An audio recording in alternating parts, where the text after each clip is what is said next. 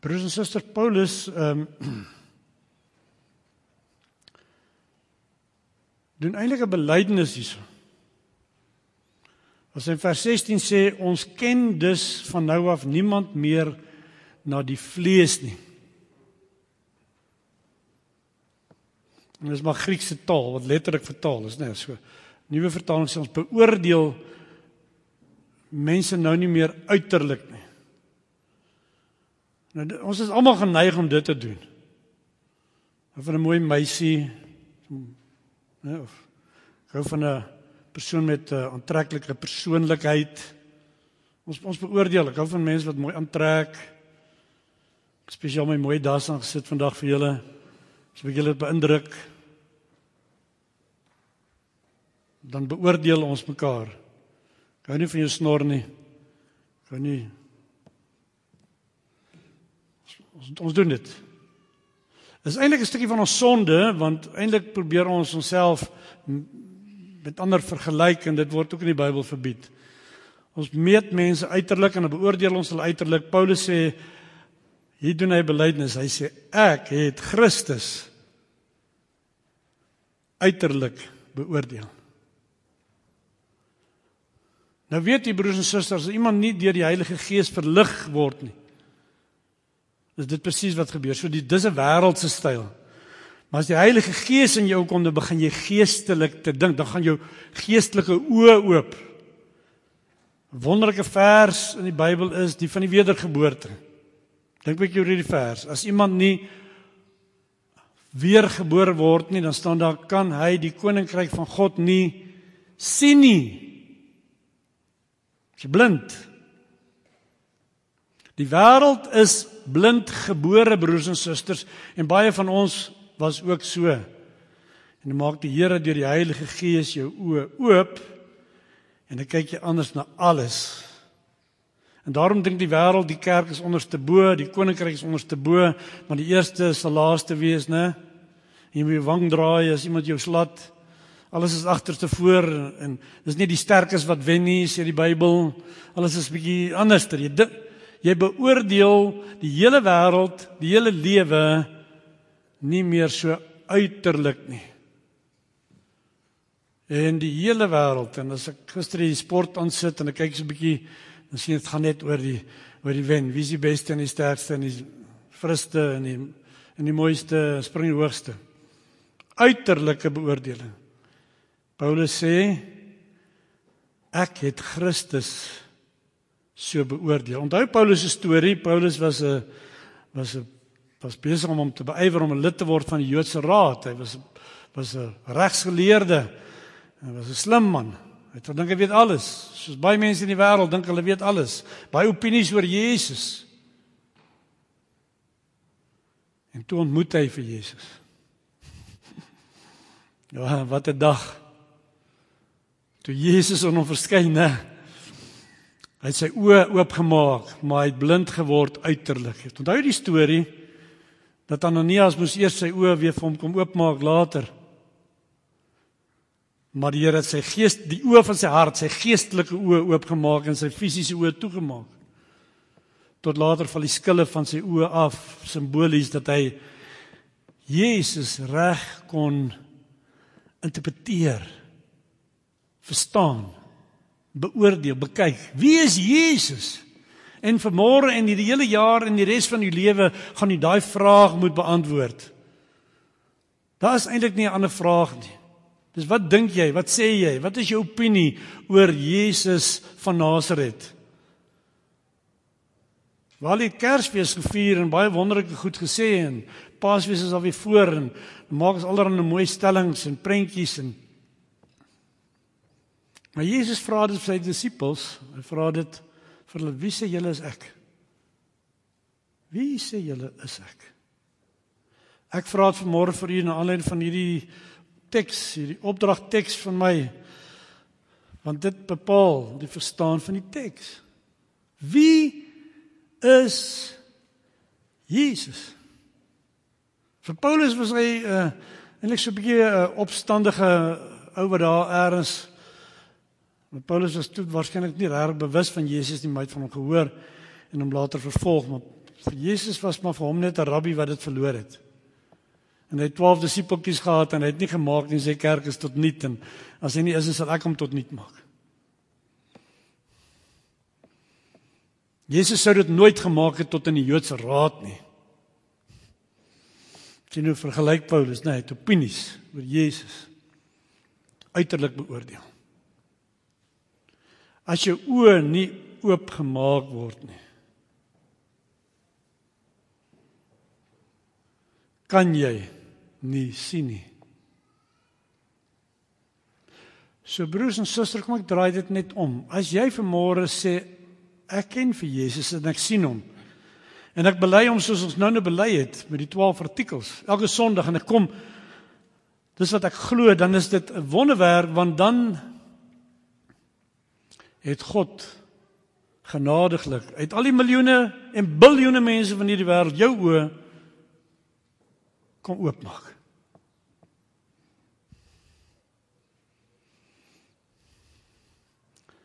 Dis 'n wonderwerk. Dat God in iemand se lewe in 'n blinde geestelike blinde se lewe ingaan en sy geestes oë oopmaak. Nou, ons teks noem dit dat jy dan in Christus is. Iemand wat aan hom behoort sê die nuwe vertaling, maar in die Griek staan daar iemand wat in Christus is. Dis jy's in hom ingeplant. Dis soos daai saadjie wat ontkiem hier op die op die program. Hy was in die grond ingedruk en net daar binne in die grond het hy 'n plantjie gesterf en toe skielik kom daar nuwe lewe. Iemand wat in Christus die formuliere ons belydenis praat van ingelyf is. En dan bely ons by Sondag 1, dis jou troos in lewende sterwe dat as jy glo dan eh, behoort jy aan jou saligmaker. Jou enigste troos is dat ek aan my saligmaker behoort. Ek is in hom. En dan is daar daar 'n nuwe lewe. Want dis wat ons teks sê. Nuwe lewe. So Calvin skryf daaroor, hy sê hierdie teks sê is eintlik 'n verkorte sinnetjie, hy moes 'n langer sin gehad het, maar Paulus maak kort sinne daar. Hy sê iemand wat graag aan Christus wil behoort. Iemand wat die begeerte het om 'n Christen genoem te word. Iemand wat dus bely dat Jesus die Here is, die opgestane Here. Want dit kan jy net doen deur die Heilige Gees. Dit kan jy net doen as jy deur God gegryp is soos 'n brandhout uit die vuur. As jy gegryp is as jy aan God behoort, is dit omdat God in sy genade jou aan Christus verbind het.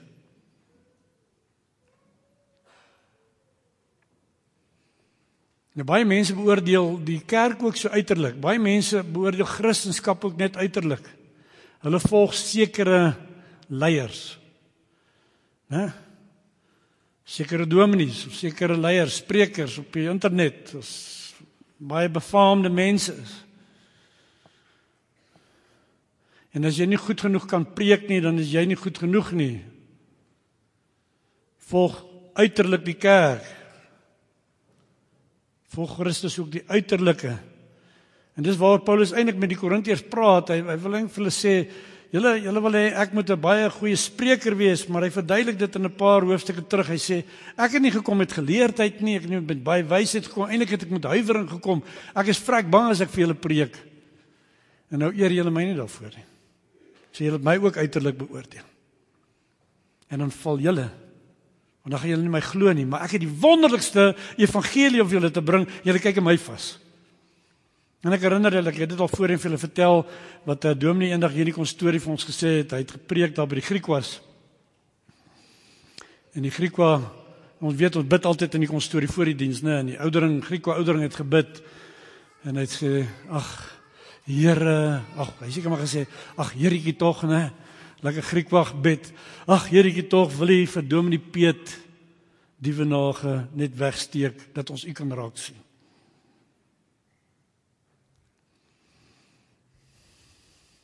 Broers en susters, kom ons probeer hierdie jaar hierdie uiterlike beoordeling van mense, nie net dominees nie, almal mekaar in die kerk. En die kerk en waar ek waar kerk en in die gemeenskap van die kerk en die program en wie suksesvol is, daai goed kruisig. Dit gaan nie oor sukses in die kerk nie. Dit gaan oor diens en diens en diens. Ons teks sê as jy nou 'n gelowige is, as God hierdie wonder in jou gegee het, dan moet jy verstaan dat jy heeltemal nuut gemaak.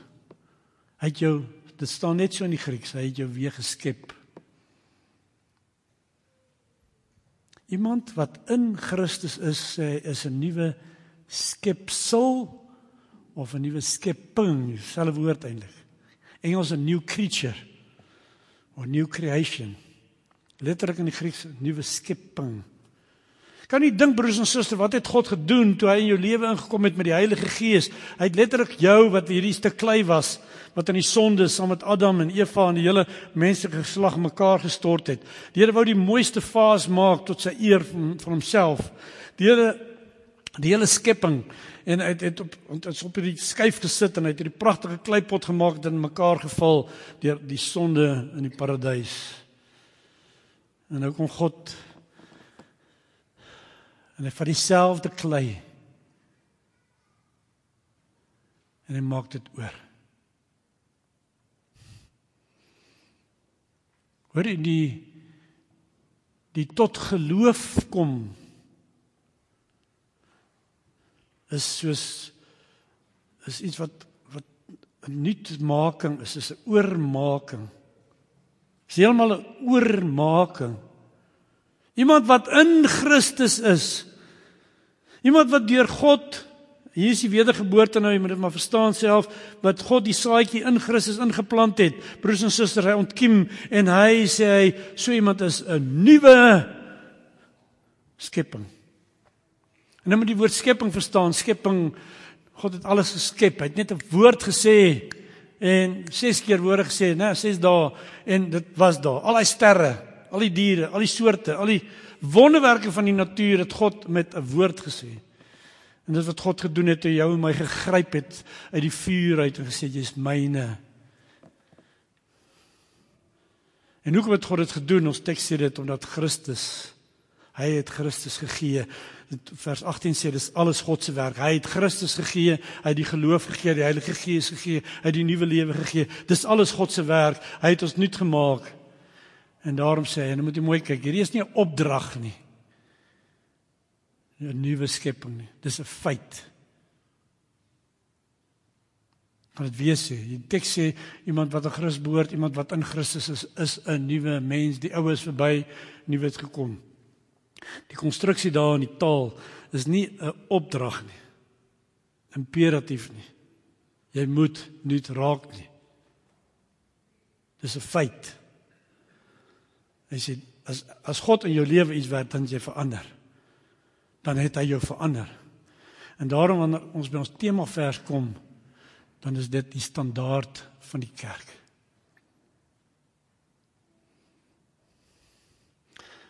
Kan ek dit probeer 'n buzzword maak vir die jaar? Dis die standaard van ons gemeente. Nuwe skepping. Nuwe skepsels. Jy's 'n nuwe skepsel. Nie jy moet probeer om een te wees nie, want dis wat Paulus met die Korintiërs se probleem was. Hulle, het probeer om om mense te behaag, om oulike leiers te wees, om om dat die mense van hulle hou.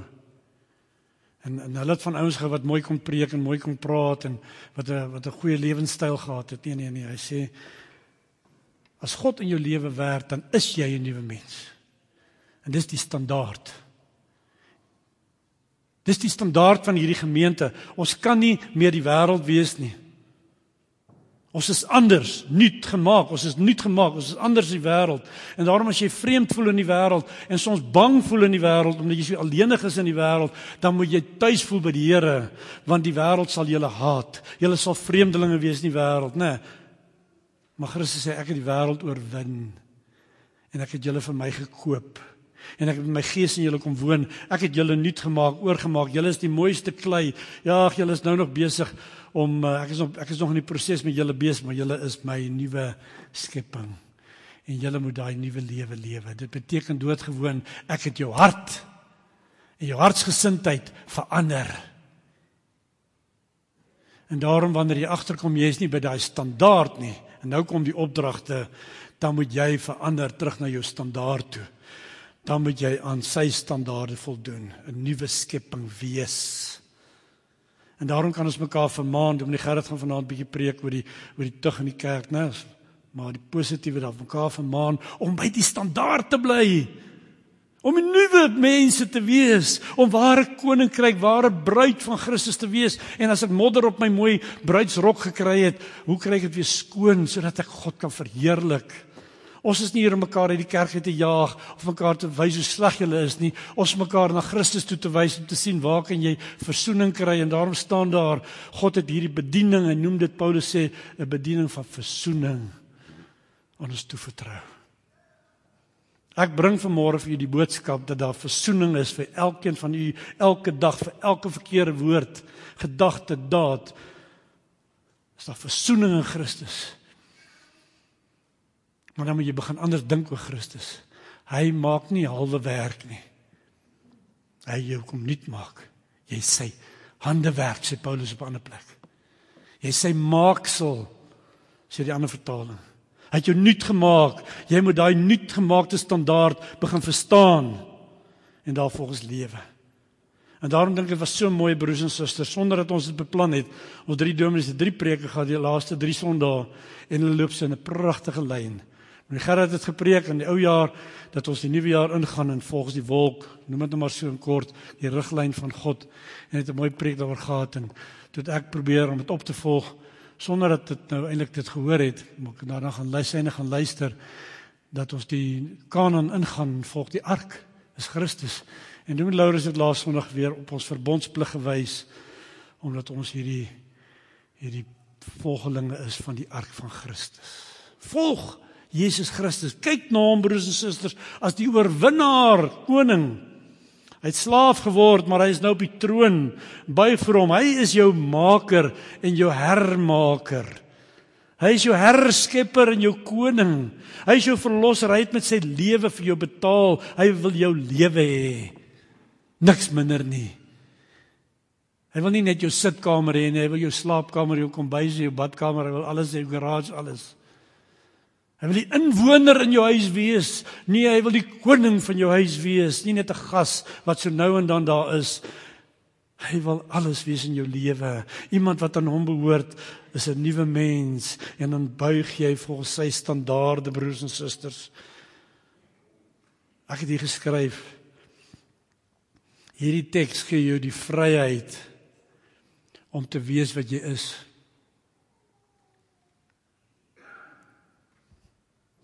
En ek rowwe sin hoor. Want jy is maar 'n sondaar, né, maar ons is baie keer so vasgevall ek is 'n sondaar dat ons aanhou sonde doen. nee. Ons is nuwe mense. Ons behoort aan Jesus. Ons verkondig vir die Here Jesus. Ons is nuwe mense. Ons struikel nog. Maar ons is vrygemaak om Christene te wees wat hom dien by die werk en in die kerk en op die straat en op die sportveld en in die skool en elke plek alles behoort aan hom. Hy soek bekering en groei en toewyding op elke vlak van jou lewe. Die nuwe lewe. Die standaard is die koninkryk. En dis anders as die wêreld daar buite. Moenie bang wees daarvoor nie. Laat dit jou eer wees om anders te wees. Nie stroom op nie net nuut in Christus en dit vra liefde selfs vir hulle wat nog nie glo nie want hy het aan ons die bediening van verzoening toevertrou. Dit beteken ook ons moet sê wat hy sê, gaan sê vir die wêreld aanvaar die verzoening wat ek aanvaar het, aanvaar dit, aanvaar Christus en word gered en word nuut gemaak en laat jou oë oopgaan. En dan gaan ons volgende Sondag nagmaal vier en jy moet jou voorberei daarvoor. Maar broers en susters, dit is belangrik, maar dit is bietjie kortsigtig om net voor te berei vir die nagmaal en dan val jy maar weer terug in jou ou lewe nie. Nee, ons berei ons voor vir die ewige nagmaal, vir die ewige lewe, is dit nie? En daarvoor het God sy gees aan ons gegee, ons aan Christus verbind en die saad in ons harte laat ontkiem en sê ons kan daai standaard najag, want ons is of ons amper daar kan kom. Ons moet nie dink ons is maar net sondaars nie. Die deel van jou belydenis van sonde is ook jou belydenis van die vergifnis van sondes en die verzoening van sondes. Ek sluit af broers en susters deur te wys op die wonderlike woorde van die Dorsalerius. Hy sê die die herskepping of die wedergeboorte of hierdie nuutmaak of hierdie nuwe lewe. Hy sê dit staan in Dorsalerius staan daar hierdie wedergeboorte is soos 'n nuwe skepping. staan in ons belydenis. Dis 'n opstanding uit die dood. Katekisme sê wat is 'n wat is bekering? Daaglikse bekering is 'n op afsterf van die ou mens, opstaan van die nuwe. Dis presies dieselfde as hierdie prentjie. Presies dieselfde wonderlike prentjie. Die saadjie wat in die grond gaan moet eers sterf en dan opstaan in 'n nuwe lewe. Die standaard van die koninkryk is groot broers en susters, is hoog, maar nie onbereikbaar nie. En dit wat jy nou kan bereik in hierdie lewe nie, al het jy alles daarvoor ingesit en alles gegee om 'n nuwe skepsel te wees en te lewe, dit sal Christus klaarmaak op die laaste dag. As hy kom, dan maak hy alles nuut. Alles. Maar jy kan daarna streef soos Paulus sê asof jy dit ook kan gryp. Of jy in die hande kan kry. Dit het God 40 jaar in die woestyn gevat om die volk uit Egipte uit te kry. Onthou hulle het uit Egipte uitgetrek oor die deur die Rooi See, né?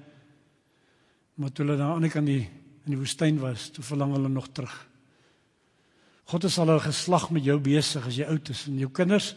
Jy is besig om jou geslag voor te berei, jou volgende geslag voor te berei, broers en susters, om hierdie nuwe skepping te leef, hierdie standaard te leef. Kom ons maak dit die standaard vir die jaar. Heilig lewe. Heiligmaking.